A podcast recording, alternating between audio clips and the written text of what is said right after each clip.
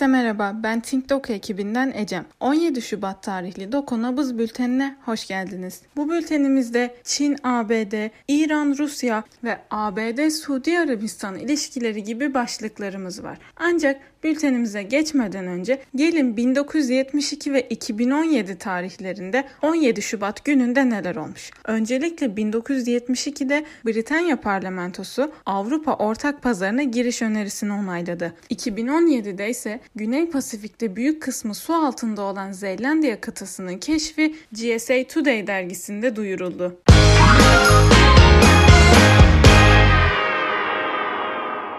İlk başlığımız yeni ABD yönetimi ve Orta Doğu'dan. Biden, Suudi Arabistan ile ilişkileri yeniden düzenlemeyi düşünüyor. Biden idaresinin Suudi Arabistan ile ilişkileri yeniden kurgulamak kararlılığında olduğu ve bu yeni kurgunun Suudi Arabistan'ın meşru müdafaa hakları çerçevesinde gerçekleşeceği aktarıldı. Biden idaresinin Yemen özelinde attığı adımlarla Aden Körfezi ve Kızıldeniz'de muhtemel Çin nüfusunun kapısını aralamasının ardından gelen bu gelişme büyük güç rekabeti çerçevesinde çerçevesinde ABD'nin Çin'e mevzi bırakmamak kararlılığını gösteriyor. Peki bu gelişmelerle beklentilerimiz neler? Öncelikle ABD-Suudi Arabistan ilişkilerinin mevcut müspet seyrini koruması, revizyonist bloğun Babül Mendeb Boğazı'nda daha fazla güç kazanmasının engellenmesi ve politik riskin düşmesi.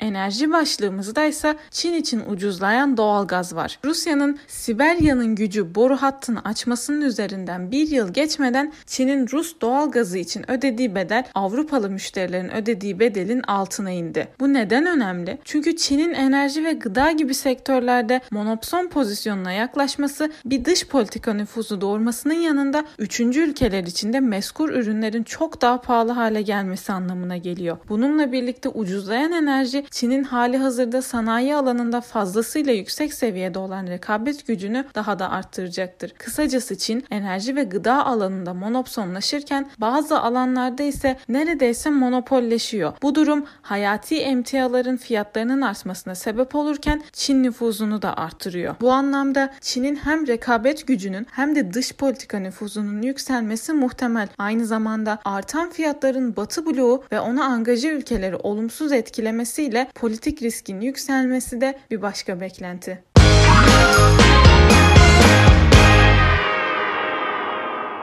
Çin-ABD sürtüşmesinde ise Çin nadir elementler pazarını daraltıyor. Çin'in ABD savunma sanayini engellemek amacıyla nadir toprak elementlerinin ihracına yönelik çeşitli kısıtlama hamlelerini gündeme aldığı ve sektörün önde gelen firmalarına bu durumun yaratacağı zorlukları sorduğu öğrenildi. Savunma sanayinin birçok kolu için son derece önemli olan nadir toprak elementlerinin üretiminde Çin'in bariz üstünlüğü ABD için çok hayati bir mesele olarak arıza endam ediyor ediyor. Bilhassa elektronik ve radar sistemleri gibi gelişmiş ürünlerin üretimi ve idamesi açısından hayati önem haiz bulunan nadir elementlerin ABD'ye akışının kısıtlanması ABD savunma sanayini ciddiye alacaktır. Diğer yandan bu gelişme Biden'ın stratejik materyallerinin ABD içinde üretilmesine dair attığı adımların isabetli olduğunu gösterdi. Bunlarla birlikte ABD savunma sanayinin geçici zorluklar yaşaması ve nadir toprak elementi üretimi hususunda ABD ABD'nin yerli üretime ve müttefiklere yönelmesi ihtimaller dahilinde. Aynı zamanda yükselen politik risk.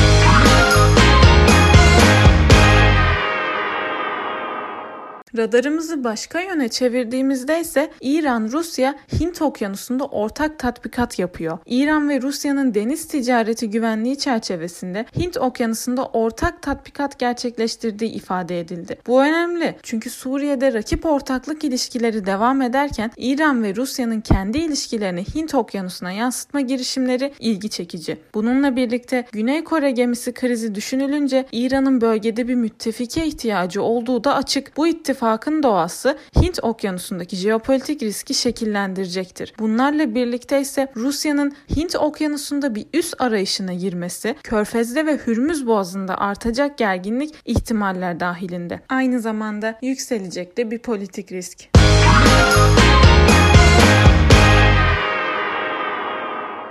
Suudi Arabistan ise uluslararası şirketleri ülkesine çekme arayışında. Suudi basın ajansının resmi bir kaynağa dayandırdığı haberine göre Suudi Arabistan 2024 itibariyle hükümetin ve devlet destekli kurumların Orta Doğu'daki faaliyetlerinin merkezi krallık içinde bulunmayan uluslararası şirketler ile iş yapmayacak. Suudi Arabistan siyasi, ekonomik ve sosyal olarak bir geçiş süreci içinde. Özellikle Muhammed Bin Salman liderliğinde Vizyon 2030 projesi altında atılan çeşitli reform adımları bu sürecin bir parçası olarak değerlendirilebilir. Bu projenin en önemli ayağını ise ekonomik çeşitlendirme altında petrol dışı ekonomiyi güçlendirme adımları oluşturuyor. Bu kapsamda atılacak bu yeni adım Suudi Arabistan'ın ekonomik olanaklarından ve ülkedeki yeni açılım sürecinden faydalanmak isteyen uluslararası şirketleri krallıkta merkez açmaya iterek ülkedeki işsizliği azaltacak ve ülke ekonomisine katkıda bulunacak. Bu adım aynı zamanda körfez içi rekabette Suudi Arabistan'ı Dubai gibi bölgede iş dünyasının merkezi olma özelliği taşıyan diğer aktörlere karşı öne geçirmeyi amaçlıyor. Bu gelişmelere karşı elbette beklentilerimiz var. Bunlardan ilki Suudi Arabistan'ın açılım sürecinden faydalanmak isteyen şirketlerin bölgesel merkezlerini krallığı taşınması, Suudi Arabistan'ın bölgesel olarak finans ve iş dünyasının yeni merkezi olarak yükselmesine sebep olabilir. Bu adım özellikle BAE ile Suudi Arabistan arasındaki ekonomik rekabeti arttırabilir. Aynı zamanda şirketler için cazip bir merkez olma noktasında atılması gereken hukuki reform adımları Suudi Arabistan'da geleneksel bloğun zayıflaması ve MBS'nin liderliğindeki reformist çizginin güçlenmesi sürecini hızlandırabilir. Dubai içinse yükselen ekonomik ve politik risk olabilir.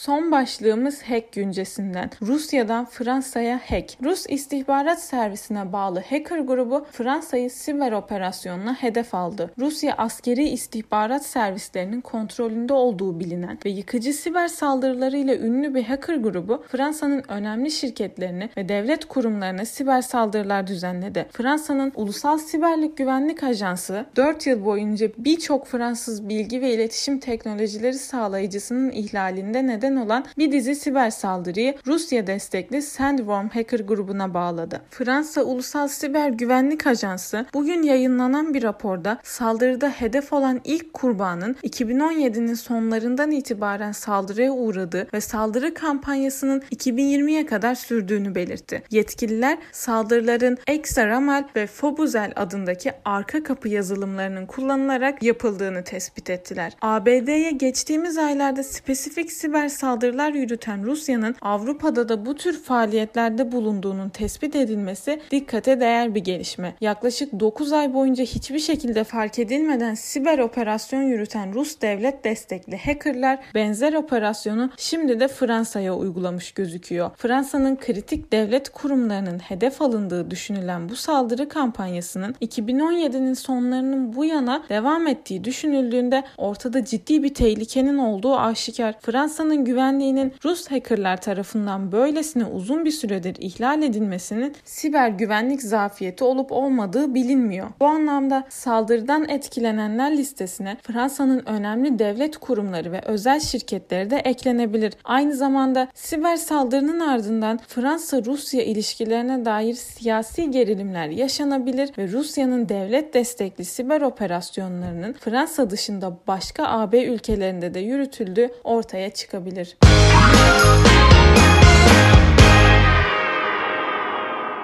Bugünlük bültenimizin sonuna geldik. Beni dinlediğiniz için teşekkür ederim. Umarım siz de dinlerken benim kadar keyif almışsınızdır. Dünyayı anlamlandırmak için bültenlerimizi takip etmeyi unutmayın. Bir sonraki podcast'imizde görüşmek dileğiyle. Hoşçakalın.